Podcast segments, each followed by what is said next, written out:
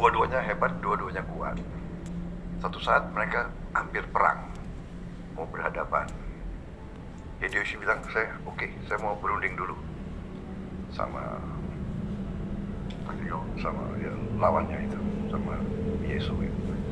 Mereka berunding, kemudian si Hideyoshi bilang, Anda lihat di belakang saya ini, tentara saya kuat, semangat, jumlahnya banyak. Tapi saya lihat tentara Anda semangat, kuat, jumlahnya banyak.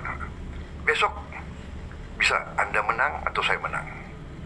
Tapi kalaupun saya menang, anak buah saya banyak yang akan mati. Kalau kau menang, anak buahmu juga akan banyak mati dan luka. Artinya besok malam orang tua Jepang banyak ibu dan bapak Jepang Kehilangan kehilangan anaknya. Akan nangis